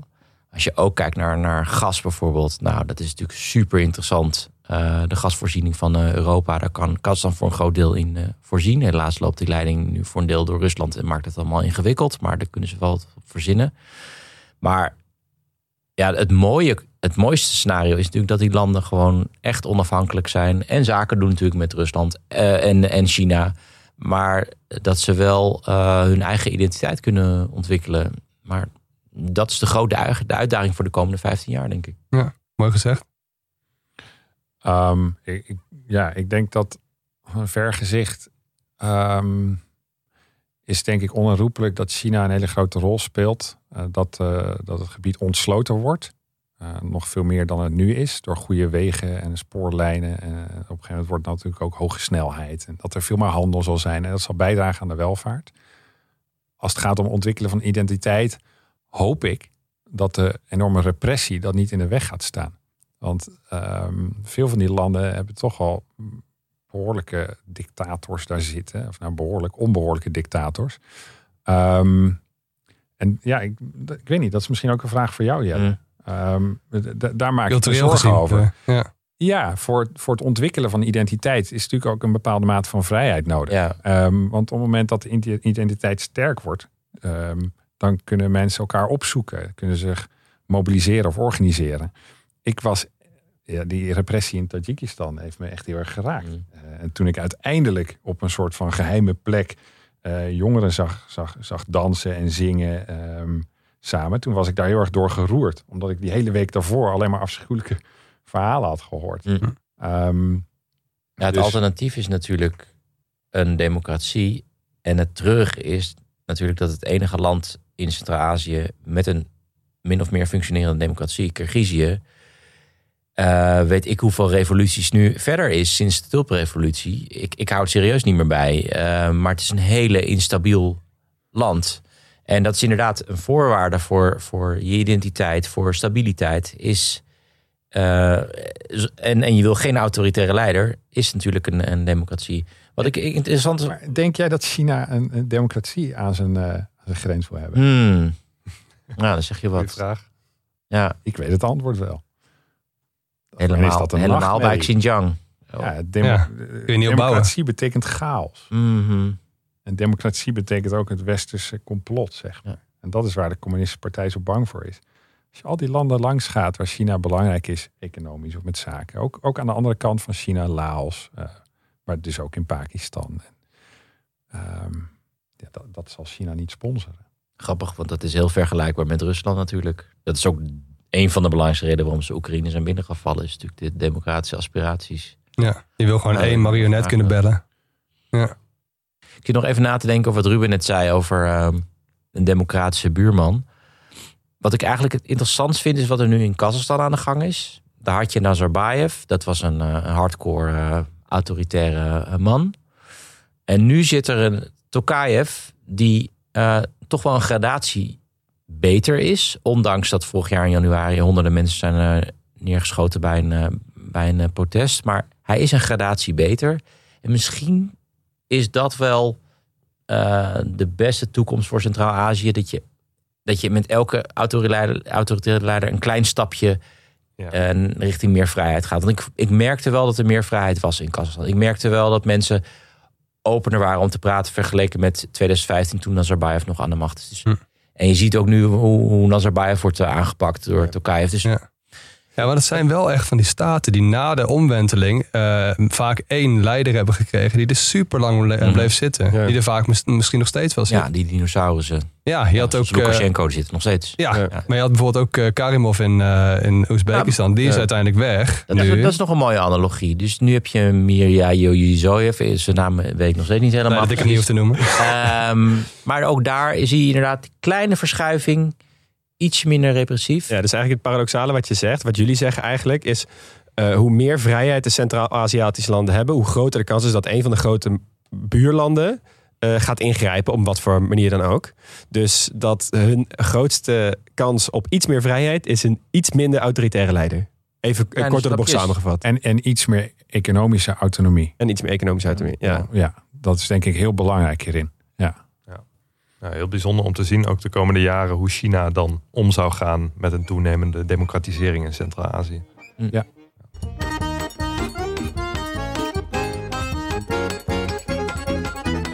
Eh, hey heren, in dit laatste stukje willen we het heel graag even met jullie nog hebben over eh, jullie reiservaringen en jullie persoonlijke gevoel eigenlijk bij de regio. Ehm, we hebben ook heel veel vragen binnengekregen van luisteraars eh, die daar benieuwd naar zijn. Dus daar gaan we er ook zeker een aantal van stellen. Ehm Jelle, om heel even met jou te beginnen. Je bent al heel vaak in, in de regio geweest in Centraal-Azië. Ehm, is er een land wat jou het meest fascineert? En bedoel je journalistiek gezien of, of voor een luisteraar om, eh, om heen te gaan? Nee, eh, vanuit jouw eh, invalshoek, dus eh, journalistiek. Ehm, ik denk dat ik best wel wat meer tijd had door willen brengen in, ehm, in Oezbekistan. Ik vind dat wel, eh, vind dat wel jammer. Eh, dat is het probleem met zo'n onbekend gebied. Dat je, eh, je, je kan niet... Het liefst zou ik een hele serie maken in Oezbekistan... maar dan krijg je gewoon niet Mhm. verkocht bij, de, bij de NPO. Dat is wel jammer, hoezo? Als je Eh, dat over Duitsland doet, oké. maar ja, ja. terwijl het een heel divers land is. Dus er zijn heel veel verschillende eh, verhalen. We noemen net al Karakel, Pakistan. eh, een gigantische woestijn. Ehm, en ik heb, ik heb gewoon heel veel verhalen toen ik daar was gehoord... waarbij ik onmiddellijk aanstond. Ik dacht, dit, dat is ge- geheid mooie televisie. Dat zal Ruben ook wel erkennen... dat je gewoon soms iets hoort en, en zie je het gelijk voor je. Dus Mhm. ik werkte daar met een fixer, dus dat is iemand die, die dingen voor je regelt. eh, vaak eh, met een journalistieke achtergrond. En ik vroeg, wat ga je doen eh, nadat wij zijn vertrokken? Toen zei hij, ja, in Karakel, Pakistan, in de woestijn... rijdt een eh, busje rond met eh, eh, een karaokebusje. En die stopt dan in een dorp en dan kunnen mensen karaoke. En dan, ja, ik bedoel, dan denk ik van holy moly. Dat, ja, ik, wil, ik wil daar dat busje, ik wil gewoon die woestijn in. En, Maar jij Dus moet dat- weer weg. ja, En, en wat ik ook interessant vond in Oezbekistan, je noemde Karimov al, dat mensen heel lang bang waren om te praten. En nu meer vrijheid hebben om te praten, maar dat ze toch altijd die handrem erop hielden bij, bij interviews. Gewoon omdat, omdat ze die geschiedenis hebben. Wat je in Ja. Rusland ook hebt na 70 jaar eh, communisme. En sowieso, ja, in Rusland is sowieso helemaal niet makkelijk om te praten nu, maar dat vond ik een heel interessant eh, eh, gegeven. Eh, dus ja, daar had ik zelf wel wat meer tijd willen doorbrengen. gevoel van vrijheid nog niet volgroeid is eigenlijk. Nee. Ja. nee. Wij hebben ook heel hard gelachen toen we in Oezbekistan. Want Oezbekistan, wat je zegt, is echt zo'n land. waar Als je rondloopt, dan knallen de vragen meteen je hoofd in. Dus Google maar eens Hotel Oezbekistan. Dan, dan kom je al heel. eh, eh, wij, zijn, wij hebben een gedeelde fascinatie voor brutalisme. Bijvoorbeeld. Oh ja, ja, Hotel moet je Oezbekistan is een perfect ja. voorbeeld van. Maar ook waarom er zoveel witte Chevrolets in dat land rijden. Meer dan 95% van die auto is een witte Chevrolet. Dat zit, dat zit notabene vandaan? in de scène. Ik vraag een man op een gegeven moment... Waarom zijn er zoveel witte Chevrolets? Precies dit Ja, heb de- ik gevraagd. Ja, bij de huisuitzettingen. En we hadden iets gefilmd over uitzettingen in, in het Tashkent daarna. Maar ja, het was heel simpel. Er was gewoon een, één Chevrolet fabriek. Ja, ja, ja. Eh, Dus mensen, de- anders moet je importtarieven betalen. maar het is ook allemaal witte Chevrolet. Ja. Ook nog eens. Dus, Ja. eh, Ja. Hebben jullie ook in een auto-ongeluk gezeten daar? Want het is... Dit, Nee. Wel een auto betreft- geduwd? Nee, wel een aantal keer eh, met bezweten handen eh, achter in een busje in een marshrutka gezeten. Ja, Ik, dat, heb, ja. ik ben dit veel allemaal plekken wel goed? geweest, maar, maar Oezbekistan spant echt de kroon met... Ik denk serieus dat elke dag, als we aan het film waren, hoorden we ergens een ongeluk. Hoorde ook. Ja. Als in, je zag het niet langs de weg. Nee, maar hoorde je, het je hoorde ergens een auto ergens tegenaan knallen. Dus Ja. dat was echt extreem. Maar ja, goed. nee, we hebben daar vooral getraind. Dat ging, eh, ging heel goed. Ah, ja. Ja. Ruben, ehm, was er een land wat jou het meest pakte eigenlijk? Eh, ja, ik denk dat dat Pakistan is geweest. Maar voor mij was Pakistan echt eh, zo'n on- ongelooflijke verrassing. Eh, op heel veel manieren. Het was mega divers. We begonnen in eh, de Karakoram, op de grens met China. Dat is de hoogste grensovergang ter wereld, internationaal zeg maar. En de, ehm, eh, wonderschoon, super vriendelijke mensen. En wat me in Pakistan echt fascineerde, was allemaal verhalen die ik nog nooit had gehoord. Er speelt zoveel in het land. Ja. Ehm, dus er, heel, er zijn ontzettend veel etnische groepen. Er zijn eh, heel veel onafhankelijkheids eh, soort van eh, strijders. Je hebt natuurlijk al langs de grens met Afghanistan eh, onveilige gebieden. Ehm Balochistan, dat hele verhaal lezen we bijna niks over. Terwijl daar tienduizenden mannen vermist worden. Omdat Ja. ze verdwijnen door de veiligheidsdiensten eh, van Pakistan. En dat wordt onder de pet gehouden. Ehm, dus voor mij, ja, ik, ik riep ook uit van wow, in Pakistan kun je een hele serie maken. Ja. Eh, Ja. Precies dat. Mm. Ehm, alleen is het visum zo lastig te krijgen. Dus ehm, ja, ik hoop dat, dat na deze serie dat ik het visum nog een keer kan krijgen. Ja, dat Want ik zou heel graag terug willen, ja. Ja. Het zou ook echt een land zijn waar, waar ik naar op vakantie zou gaan. Ja. Ja, Max, jij zegt dat ook fascinerend. Super vriendelijk. Het wonen 200 miljoen mensen. Het is echt, eh, echt prachtig. De grap is dus dat, dat we in de beginfase... Nou ja, landenverdeling klinkt wel heel lomp... maar we hadden het wel over waar we allebei heen zouden willen gaan. En Ruben gaf heel duidelijk aan dat hij naar Pakistan wilde. En ik dacht van, prima gast, eh, ik ga daar niet heen. Nee. Eh, maar nu ik Ruben hoor en nu ik die beelden zie, denk ik van potverdorie. Ja, dit is gewoon... Ja, Ja. ik weet niet waar ik dat op heb. Nou goed, ik, ik heb andere cameraploegen eh, die hele slechte ervaringen hebben. Daar, misschien heb ik daar mijn mening op gebaseerd. Maar ik was ook echt verrast toen ik die beelden zag. eh, Ja. van, eh, Ja, de mensen zijn zo vriendelijk en ze zijn helemaal niet gewend om aandacht te krijgen vanuit het Westen. Mhm. Ontzettend gastvrij. Eh, en eh, in oktober, toen waren we in Midden-Pakistan, toen had je daar ook die enorme eh, watersnoodramp. Ja. Ehm, wat heel indrukwekkend was. Ehm, maar echt in no time eh, stonden daar natuurlijk voortdurend mensen radeloos omheen, eh, verhalen vertellen. En eh, eh, toen kwam er ook een, gast naar me toe en die stootte me aan. Die zei: Ja, er is een vrouw overleden in mijn dorp. Wil je naar de begrafenis komen? Ik Wow, oké. Ehm, eh, weet je zeker dat het goed is? Vroeg nog twee keer. Hij belde nog even naar het dorp. Nee, ja, het was echt goed. Wij daar naartoe. En het, hele dorp was uitgerukt. Iedereen stond buiten en het lichaam lag opgebaard. Ehm, en, en, en ja, to- toen wilde natuurlijk de cameraman, en die zag natuurlijk meteen shots en die wilde eigenlijk meteen draaien. En die zei ik nog, oh, oh, wacht eventjes. Toen wilde ik heel formeel nog even toestemming vragen. Eh, onder andere natuurlijk aan de echtgenoot van die overleden vrouw. Maar toen ik dat vroeg, werd ik heel raar aangekeken. Zo, ja, ehm, natuurlijk kunnen jullie maar, filmen. ja. Wel zo. Ja, ja, ja. Wat doe je nou moeilijk? Sure. Ja, Ja. maar en, eh, snap je? Dus Ja. dat, het is eh, in die zin echt een, een, andere, een ander universum of zo. Ja. Waar zijn jullie eigenlijk samen geweest? Dat is een goede vraag. Ehm Samarkand. Samarkand. En ja, even Tashkent, maar vooral... eh, Samarkand tijdens de politieke top van de Shanghai Corporation Organization. Wow. Dat was eh, half september. Dat was de eerste keer dat Xi Jinping sinds het begin van de pandemie zijn land verliet. En Poetin was er ook. Ja, ja het was, dat is een hele belangrijke top voor, ik zou willen zeggen, ik denk wel met India erbij. Was dat India er ook bij? Ja, nou India zit er ook bij. Dan zit je op, op de helft van de wereldbevolking, Ja. waar, waar wij dan no- nooit van, echt van, van hebben gehoord. Ruben die kwam ermee ehm, in aanloop naar de serie van moeten we daar niet naartoe? Want dan komen ze samen. En wij waren min of meer de enige westerse journalisten daar. Het was echt, was echt heel interessant. Tegelijkertijd konden we ook helemaal niks. Want ja, Geboeid eh, en in de het- hotelkamer waarschijnlijk. Ja. Nee, nou ja, er was een, een perscentrum. En er was er gewoon letterlijk een. Ja, wat je bij zo'n kasteel hebt, zo'n zo'n zo'n slotgracht. Gewoon echt een slotgracht. En da- daar was dan het paleis. En dan aan de achterkant reden ze voor. Dus je kon helemaal niks zien. Dus je zat, eigenlijk zaten we de hele dag in die tent doodongelukkig naar een scherm te kijken waar dat dan allemaal gebeurde. Dat was heel we hadden, het absurd. net, we hadden het net zo goed vanuit hier kunnen doen. Het was geen enkel Oh. probleem geweest. Ja, het was Maar heel absurd. Toch was het wel goed. ja, ik ben ook wel blij dat we samen nog op één plek zijn geweest. Ja, het was Ja. een spookstad. Het, liet Ja, ook ja, wel, het vertelde eens. wel wat. Dus door die veiligheidsmen, Super alles was dicht. Gewoon, Ja. niemand Ja. mocht naar buiten. Gewoon alles, gewoon, alle straten waren dicht. Dus wij werden telkens, we hadden dan een chauffeur en, en die reed ons dan met 140 kilometer per uur door die stad heen. Want ja, ja en, en weet je nog dat op elke straathoek stond een agent? Gewoon Niet die hele stad. Op elke straathoek, letterlijk. Of zijstraat, ja, er st- stond een agent. Ja. En de gedwongen diners waren ook... eh Oh, jij man, man, man. Jij wilde helemaal niet gaan zelfs op een gegeven moment. En dan Het- wilde je het- meteen weg. De- dat is, eh, dan is het voor de show. Dan heb je zo'n tafel met hapjes die je allemaal niet wil. En maar vooral keiharde muziek. Je hebt een hele draai daarachter. Je kan niet met elkaar praten. Nee, dat is te hard. Niemand Ja. kan met elkaar praten. Allemaal van die grote tafels met al die journalisten. Maar niemand kon een woord met elkaar wisselen. Hey, dan ga je maar drinken.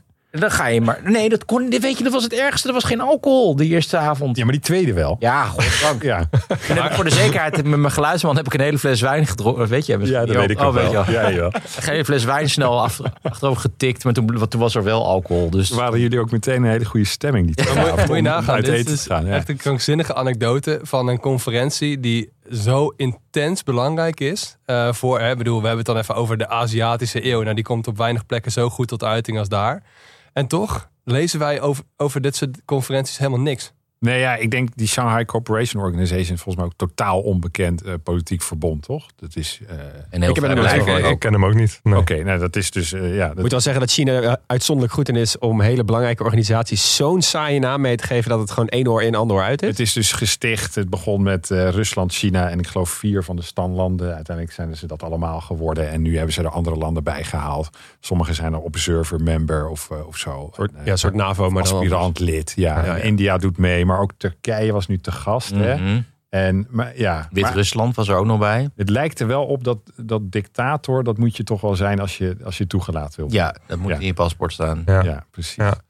Hey, jullie ehm, eh, hebben een groot deel dus eigenlijk alleen of met jullie eigen camera, eh, cameraploeg opgenomen. Ehm, jullie kijken vervolgens die beelden van elkaar. We zitten nu eh, tegen, de, tegen de uitzenddatum aan. Wat, wat steken jullie van elkaar op? Wat, eh, want jullie hebben allebei je eigen focusgebied, je eigen benaderingswijze. Ehm, wat, wat triggert jou bijvoorbeeld, eh, Jelle, in, in het verhaal van Ruben? Nou, wat me triggert is de manier van ondervragen waar ik wel wat van kan leren. Want Ruben heeft heel veel rust in zijn... vra- Hij neemt gewoon de tijd om een vraag te stellen. En daardoor merk je ook dat mensen gewoon een beetje ontspannen. En eh, ja, daar kan ik nog wel wat van leren. Want ik kom meestal ergens binnen knallen. En ik, eh, ik kom ook vaak gewoon best wel snel to the point. Of ehm, ik denk wat we allebei wel gemeen hebben, is dat we niet oordelen. En we hebben niet een vast beeld in ons hoofd van oké, dit willen we hier gaan halen. Maar die, die rust die Ruben op beeld uitstraalt, dat is wel iets wat ik wel ook wel zou willen. Of waar ik naartoe zou, zou willen werken. Dus dat vond ik wel, eh, vond ik wel inspirerend. Ja. Ik vond het sowieso heel leuk om, eh, om eens een serie met iemand anders te maken. En, want uiteindelijk, ja, Ruben heeft ook gewoon een andere stijl. En dat, is, dat vind ik heel... eh, vind ik, ja, ik vind het altijd fijn om, om, om te blijven leren. Je moet nooit denken, nou, dit is het. En ik ga nu mijn lauwe rusten. Dat is, dat is, dat is de dood. Ja. Vandaar dat ik ook een podcast ben begonnen bijvoorbeeld. Daar ben ik ook heel blij mee. Dat is ook totaal anders. Weet je wel. En de snelheid van een... Ik bedoel, het idee voor een podcast tot de uitvoering zit één week tussen. Het kan helemaal... Als je het vergelijkt met die Japan-serie met Pauline. Tussen het eerste plan en de eerste draaidag zitten zeven jaar. Mhm. wel? Dus eh, ik denk dat het altijd goed is om, om te blijven eh, vernieuwen. Nieuwe Ja. dingen te blijven proberen. Eens. En Ruben, wat, wat heeft eh, Jelle jou geleerd over deze regio of eigenlijk? Wat, wat heb jij zelf opgestoken van, van deze serie? En Ehm, Jelle ja, het was sowieso heel gek. Eh, ik voelde me helemaal onthand toen wij in Samarkand aan het werk waren om eh, Jelle Russisch te horen praten. Toen dacht ik, ja, gast, wat maak je me nou? Ik versta je niet, man. 2-0 achter wel. Ja, dan sta je toch een beetje aan de zijlijn. En toen begreep ik ook eigenlijk hoe mijn team eh, zich altijd voelt als ik Chinees spreek. Ja, want jij spreekt vloeiend Chinees. Eh, ja, ik spreek Chinees. Ja, Ja, ja. Ehm, en ehm, eh, dus Stond je maar- een keer aan de andere kant. Ja, precies. Ja. Stond een keer aan de andere kant. Maar wat ik heel erg van, van Jelle eh, heb opgestoken. Jelle zei die rust die ik uitzaal als fijn. Ik denk bij mezelf soms, oh, het wordt best wel vaak zwaar. En ik ben vaak benieuwd naar hoe mensen beleven of een emotie. En ik zoek vaak ook gewoon de pijn ehm, eh, bij de ander. Mhm. Ehm, daar ben ik in geïnteresseerd. Daar voel ik me op een bepaalde manier tot aangetrokken. Daar ben ik goed in. Maar als ik Jelle aan het werk zie, dan zie ik dat hij eh, ook eh, lichtheid, humor, absurdisme brengt. Dat vind ik heel gaaf. Eh, en dat hij andere vragen soms stelt aan de mensen die hij ontmoet. Mhm. En dat kunnen hele simpele vragen zijn. Van, hey, ja, wat ben je eigenlijk aan het doen? Of eh, ja, weet je wel, met die Ja. wagen van ja, waarom ben je, wat is er mis met je auto? Of zo. Oh ja, ja, Ja, ja. dan zegt die gast, ja, de, de voorkant van mijn auto ligt eraf. En dan heb je een heel ander gesprek, wat heel Ja. absurdistisch is. De mooiste vragen beginnen vaak met de, met de eenvoudigste vragen. Hè? Nee, Of nee, de mooiste gesprekken beginnen. Ja, en, en dus dat, eh, dat zou ik weer meer willen doen. Eh, soms die lichtheid, het absurdisme erin brengen. Ik vind dat Jelle dat onwijs goed kan. Dat hebben we natuurlijk allemaal eh, heel vroeg gezien in, de, in jouw vroege eh, Rusland-series. Ja, vullen elkaar goed aan. Ja, misschien zouden jullie even vijf jaar moeten wisselen van regio. Want ik denk ook wel, Jelle, wat jij zegt over die rust. Ja, onze eh, relatief geringe ervaring met Russen is wel, ja, je moet daar ook gewoon hard en direct bij zijn. Want anders dan nemen ze je bijna niet serieus. Mhm. En ik heb dan geen ervaring met Chinees. Ik ben nog nooit in China geweest, jullie wel. Misschien kunnen jullie daar wat meer over zeggen. Maar ik heb het idee dat je bij Chinezen, ik weet niet zo goed, moet, kan je, moet je daar hard bij zijn? Dan moet je juist wat meer eh, geduld hebben om daar echte verhalen boven tafel te krijgen. Ehm, ik denk wel dat, het, dat bij Chinezen een impliciete communicatie wel belangrijker is. Ja, zo voel ik dat wel. En dat, ehm, ja, inderdaad, dat ik wel probeer om hen veel ruimte te geven. Eh, maar ja, ik weet het niet hoor. Ik denk dat sowieso niet oordelen heel belangrijk is. En een voordeel is natuurlijk voor de mensen die we spreken dat wij van ver komen. Wij zijn ook een soort alien. Ja. Ja. Snap je? Ja, en ja, zij gaan niet ja. naar een psycholoog of zo. Maar ze vinden het soms super fijn om, eh, om een vreemdeling te kunnen spreken die je niet veroordeelt. En dat ze eh, hun hart kunnen uitstorten. Ja. Ehm, dus ik weet ook niet in hoeverre dat nou per se onze verdienste is of zo. Volgens Ja, mij is het, ja, wat, wat speelt in China, eh, ik denk ik ook in China speelt, maar sowieso in Rusland speelt, is dat eh, journalistiek in Nederland snel een zakelijke transactie is. Eh, je nodigt uit voor een interview, dus ik mag je gewoon alle, alle vragen stellen. Terwijl Mhm. in Rusland, en ik denk in China ook, en, en Centraal-Azië ook, je moet in iemand investeren. Je krijgt het niet zomaar eh Mhm. cadeau. Je moet een band opbouwen. Vaak ga je nog met iemand eten, drinken ook. Ehm, en ook vaak laat ik, ja, soms laat ik mensen gewoon eerst helemaal hun zegje doen. Terwijl ik het totaal oninteressant vind. Ehm, maar dan laat ik het maar gewoon razen. Ja. Zodat ik daarna zijn ze uitgeput en dan ga ik die vragen stellen. Ja, ja, ja. In, in het begin ging ik zo heel erg zo als een westerse journalist zo, hé, maar je weet Ja. dit en dit. En dan zit zo'n official daar van, ja, fuck off. Ik heb Ja. er helemaal geen zin in. En nu heeft hij eindeloos allemaal beschouwingen. En dan doe ik al, klik ik heel geïnteresseerd. Intussen zit ik gewoon na te denken of wat ik ga, wat ik ga lunchen daarna en zo. en daarna begint pas het interview. Ja. Wel, dus eh, Ja. eh, je moet, je moet, maar dat, dat heeft dus te maken met dat je lange plek op één plek ja. lange tijd op één plek woont, Ja. wat Ruben natuurlijk ook Ja. had in, eh, in China, dan, ja, dan lukt dat beter. Jullie hebben de, de luxe om eh, langer op, op dat soort plekken gewoond te hebben. Eh, de normale stervelingen en zo ook onze luisteraar Remco... die eh, is vooral op zoek naar een eh, mooie vakantiebestemming. Centraal-Azië staat niet heel hoog op zijn lijstje... maar ehm, hij vraagt zich af van, van waarom moet hij er toch heen gaan? Kunnen jullie bijvoorbeeld eh, allebei een plek noemen... waar je denkt van ja, maar daar moet je nou naartoe in je leven? Naar de Karakoram. Dus het dak van de wereld. Vriendelijkste mensen van de wereld. Dat is wel Pa- Pakistan dus, ja. Zo mooi. Ik zou graag die highway willen rijden. Ja, ja, en hoe wil je die rijden? Met de wagen? Ja, Of, weet ik veel. Achter in een truck of zo, weet ik veel. Daar heb ik nog niet over nagedacht. Maar het lijkt me echt de meest fascinerende snelweg ter wereld ongeveer. Ja, dat is ook waanzinnig. Eh, als je daar overheen rijdt. Je rijdt gewoon onder 7000 dus door. En eh, eh, ja, gewoon echt de hoogste bergen ter wereld. Je, je, hebt, de langste Karakoram Highway ligt de Rakaposhi. Dat ding is bijna 8000 meter hoog. En vanaf de weg tot aan de top, dat is geloof ik de hoogste berg, zeg maar, als het gaat om verticale, in één keer verticaal omhoog, is 5,5 kilometer. Je krijgt gewoon pijn in je nek. Ehm, en nee, maar het is zo'n ontzettend mooi gebied. En die weg is ook, je, je snapt ook niet hoe ze dat hebben neer kunnen leggen. Het is trouwens door de Chinezen gebouwd, hè? Eh, vorige eeuw. Ehm, zit ook in de serie. Want er zijn veel Chinezen die daarbij zijn overleden. En die liggen dus begraven eh, op een begraafplaats in een Pakistaans dorp. Hmm. En er is dus een gast en die heeft zijn hele leven gewijd om voor die graven te zorgen.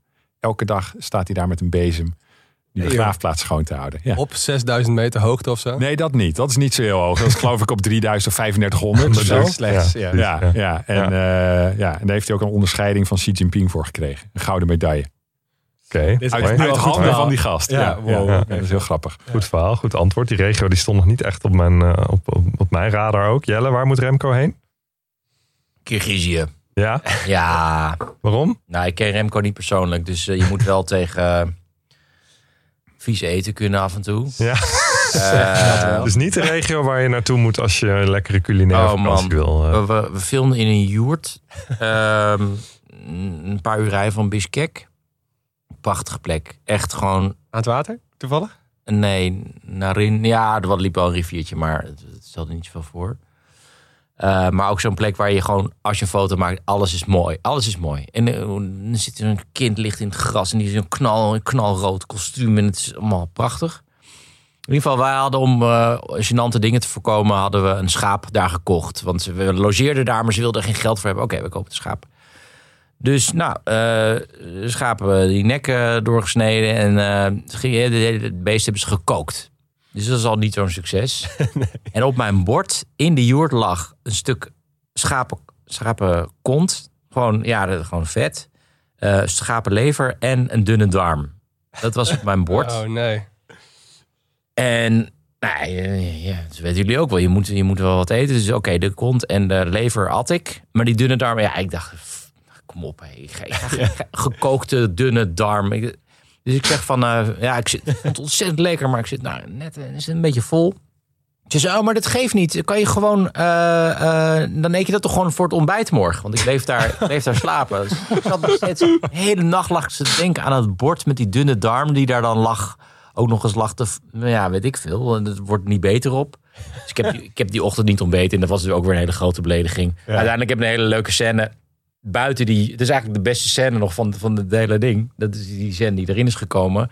Eh, waar ik met een jong meisje eh, zit te praten. En die ook vrij kan spreken. Want we zitten niet in die joert. Ja, ja. Uiteindelijk heeft dat een hele mooie scène opgeleverd. Maar dat was dus omdat ik niet die naar binnen wilde voor die dunne darm. Maar dat is ook wel de schoonheid van jullie werk natuurlijk. Hè? Dat je gewoon, je kunt soms een week lang echt iets plannen van oké, we gaan daarheen en dat moet het dan worden. En dan sta je de dag daarna sta je buiten met je taxichauffeur te ouwehoeren en dan Mm. komt daar het verhaal van de serie uit. Ja, Die- nou, die kans taxichauffeur wel. gaat wel heel ver. Maar eh, nee, het is, het is zo. Je, Hmm. je moet wel dingen achter de hand hebben. Maar het mooist is natuurlijk altijd...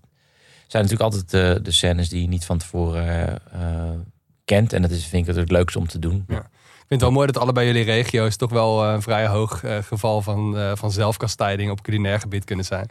In China zou je dat ook wel hebben, of niet Ruben? Eh, ik hou heel erg van Chinees eten. Dus ik, Ja. Nee, ik vind dat helemaal geen straf. Ik denk dat je in China Nee. beter af bent. Dat Ja. denk ik ook. Ja, dat denk ik wel. Ja. Want wij hebben in, toen wij in Centraal-Azië waren, in Oezbekistan, hebben wij regelmatig de grap gemaakt ook tegen elkaar. Want als je daar als eten, als westeling komt, dan vinden ze het heel. Zeg maar, dat je daar komt eten, vinden ze heel bijzonder. Dus dan krijg je altijd de vetste delen van een stuk vlees. Nou, toen, toen aten wij allemaal nog vlees. Inmiddels misschien daardoor niet meer. Maar dan zit je dus met een soort kommetje... waar dan een soort bouillon in ligt met een volle hele aardappel. Eh, wat dingetjes die door moeten gaan als groente. Ondefinieerbaar, geen idee. Hele stukken ui en dan alleen maar vette stukken vlees. Ja, en een hele berg dillen. En Hugo's favoriet dillen. Alle dillen. En dat altijd dillen. Ja. En dat moet je dan, daar moet je dan wekenlang... Ik weet nog dat wij waren in Kiva. En daar had je dan het toeristische centrum. Nou, dat is een soort Aladdin-stadje. Weet je, zo'n Agrabah-achtige situatie. En er was er één eh, toeristische soort plek... waar ze dan pompoensoep hadden. Die pumpkin soep. Nou, ik denk dat wij daar drie dagen achter elkaar heen zijn geweest... om pumpkin soep te eten. Maar iets anders dan heel. Eventjes ja. ontsnappen. Ja. Als, Even je, snappen. als je niet van paardenvlees houdt, ga niet naar Kazachstan. Ja, Even een kleine tip. ja, Ik, heb Dat nog een, heel eh, erg daar. ja, heftig. ik heb nog een leuke vraag van Mario. Die, eh, die vraagt, stel dat je je huis moet verplaatsen... naar een stad of plek in Centraal-Azië naar keuze. Waar zou je dat dan neerzetten? Wauw.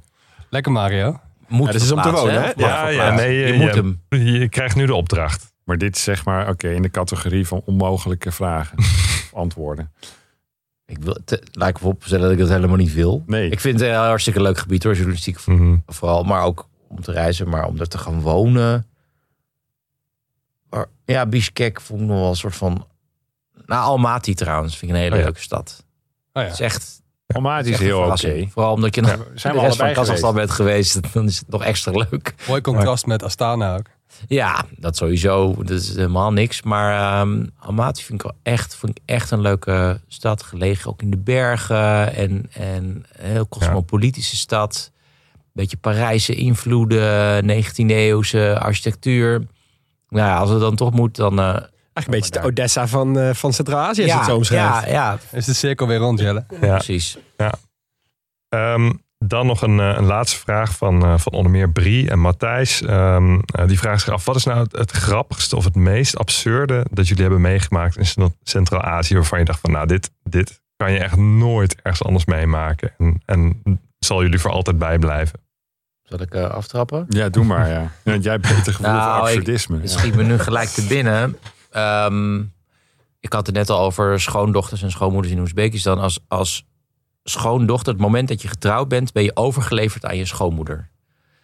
Dat is gewoon, je bent gewoon een slaaf van je schoonmoeder. maar het gaat zo ver dus dat eh, je salaris wordt ook gestort op de rekening van je schoonmoeder. En die geeft je af en toe wat. Echt? Maar het is, het is, het is volkomen krankzinnige eh, slavernij.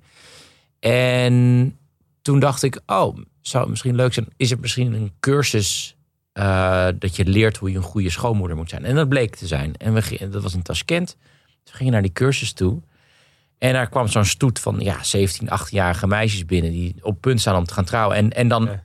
En het is verschrikkelijk, hè? Ik bedoel, Ja. maar ook, ook gewoon... eh, Ze worden in elkaar geslagen. Er zijn zelfmoorden. Het is, het is een en al ellende. En je weet gewoon... Ja, vanaf dat moment is je, is je eh, leven min of meer voorbij. Of Ja. je staat helemaal in het teken van de, van de schoonmoeder. Interessante wending is wel dat als die schoonmoeder eenmaal echt oud is... Dan, gaat, dan wordt die teruggepakt. Want dan is ze niet meer sterk genoeg om er tegen in te gaan. En dan gaat ze die schoonmoeder pesten. Maar goed. Oh, hier zit een heel langlopende absurdistische eh, serie voor Netflix. Nou ja, nee, maar het wordt nog beter bij, bij, die, bij die. Dus we filmden dat- die, die cursus. En die meisjes zaten daar heel gedwee. Er was natuurlijk een, een kenau die zat te vertellen hoe ze zich moeten gedragen. Hoe een kopje thee moeten inschenken. En, en, en hoe ze. bij de bruiloft zelf moet ze een hele dag in de hoek staan met een doek over zich heen. Nou, gezellig. maar in ieder geval. Ik denk, ja, ik moet ook wel wat vragen stellen aan die meisjes. Dat Ja. wilde die vrouw niet. Maar ik denk, ik ga die meisjes.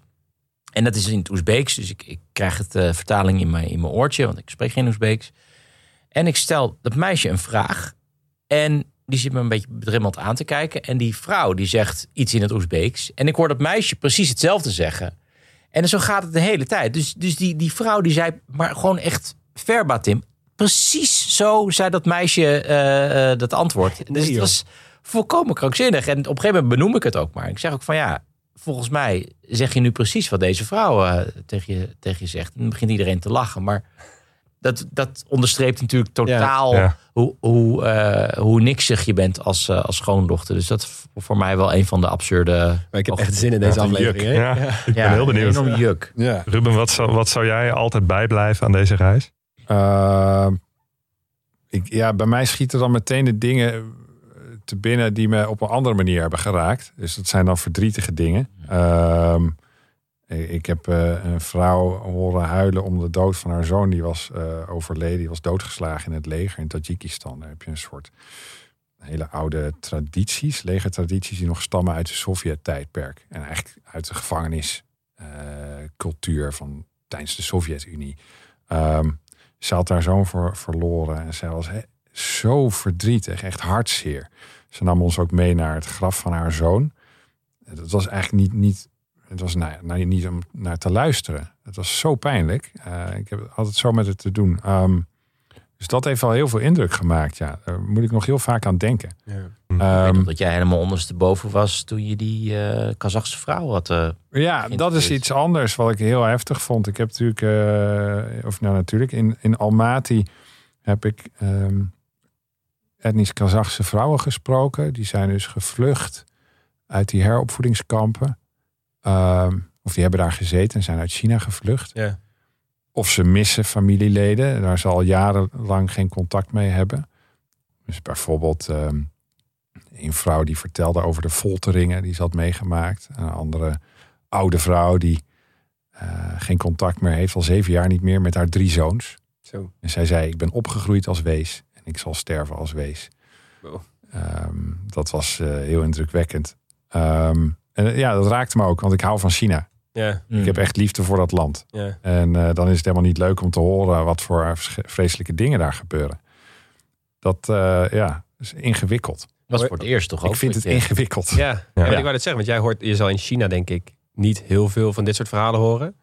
Nee, ik heb, ehm, ik, heb dat, ik heb die provincie en dat onderwerp altijd vermeden Ja. in China. Heb je dat Niet dan nu omdat- voor het eerst dat je dan eh, daar eigenlijk oog in oog mee komt te staan?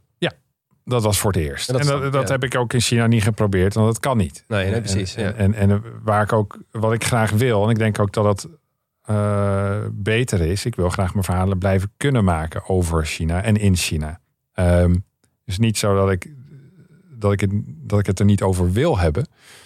Maar dat je toch ook de strategie kiest, zodat je door kan blijven gaan met je werk. En het is gewoon een balanceeract natuurlijk. Mm.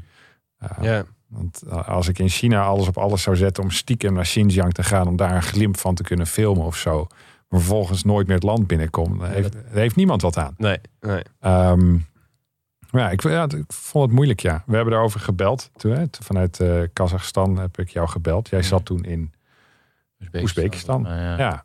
Ehm, en jij herkende dat wel, die, eh, die pijn. Mm, ja, dat, is, dat blijft lastig natuurlijk. dat geldt voor Rusland ook. Dat je. Eh, dat door die oorlog. Ik nu ook naar, anders naar Rusland kijk. Ik weet niet of je kan herinneren, maar toen we in Registan filmden. ehm, liepen daar twee Russen. En ik. Dat weet ik nog heel goed. eh, ja, normaal schiet ik die gewoon aan voor een scènetje. En ik had een soort van fysieke afkeer om die mensen aan te spreken. Wat idioot is, want ik weet helemaal niet hoe zij denken over die, over die oorlog. Uiteindelijk hoeft, moet dat er ook niet toe doen. Nee. Maar ik vond, ik, ik had er helemaal geen zin in. Ik heb het ook niet gedaan, uiteindelijk. Het was, het was helemaal Ik weet niks. nog wat je zei. Mm. Eh, ik heb helemaal geen zin in kutrussen. Ja, ja, ik was echt wel, ja. Dat zijn woorden die ik niet snel aan jou had gekoppeld. Hè, Nee, dit mag je eruit. Nee, maar, nee, maar ik... ik, eh, Ja, ik snap dat. eh, Tenminste, ik snap het niet. Maar ik begrijp dat je Maar- dat ontzettend lastig vindt ineens. Ja, maar mijn liefde voor Rusland. Ik heb het over de Sovjet-Unie. Die voormalige Sovjet-Unie, die landen is niet weg. Maar voor Rusland, ik hoef daar echt niet voorlopig niet heen. Ik echt niet. Het interesseert me niet. Dank jullie wel, heren. We gaan afsluiten en eh, we verheugen ons enorm op aflevering 1 van Langs de Nieuwe Zijderoute. Op zondag 5 maart op NPO 2. Weet jullie al hoe laat? Vast eh, na het acht uur journaal. zo. Kijk, 20, mooi, 20. mooi Ja. primetime. Ja. Voor de vrienden van de show hebben we nog wat leuks. Want we hebben vijf eh, exemplaren van het laatste boek van Jelle. eh, BAM, een reis van niets naar niets over speer- eh, spoorlijn in, in Siberië. Die mogen we weg gaan geven. Dus die gaan we verloten. En die komen misschien wel naar je toe. Ja, de tekst achter op, de, achter op het boek, er zijn twee zinnen op. De eerste zin is, waarom rijd je hier in trein? De tweede zin is, en waarom zit ik erin? Ik heb hem gelezen. Ik absoluut aanraden. Als je het hebt over absurdisme, dit is wel een mooi lesje naar absurdisme. Het is fantastisch. Nou, mooi. Er staan ook lege pagina's in, zie ik. Ja, het is ook kunstzinnig. ook voor de kunstzinnige mensen. Ja, dit is een kaart waar gewoon niks op staat, behalve de twee plaatsen waar de, waar de trein heen rijdt. Ah, dat, dat klinkt als een Siberië. Siberisch uitzicht. Juist. Jelle, Ruben, heel veel dank voor jullie komst eh, voor dit eh, mooie gesprek. En eh, ook dank aan de luisteraar natuurlijk. Heel erg leuk dat je luisterde eh, naar deze special van de grote podcastlas. Aanstaande maandag pakken we de draad weer op met onze gang langs de Nederlandse provincies. En dan behandelen we Groningen. Hebben jullie nog een mooie Centraal-Aziatische afscheidsgroet? Oh, ik, heb, ik zit meer aan Gronings te denken. Ehm Rachmat. ja, Rachmat. Daar kan je overal mee uit de voeten. Super. Zaijian.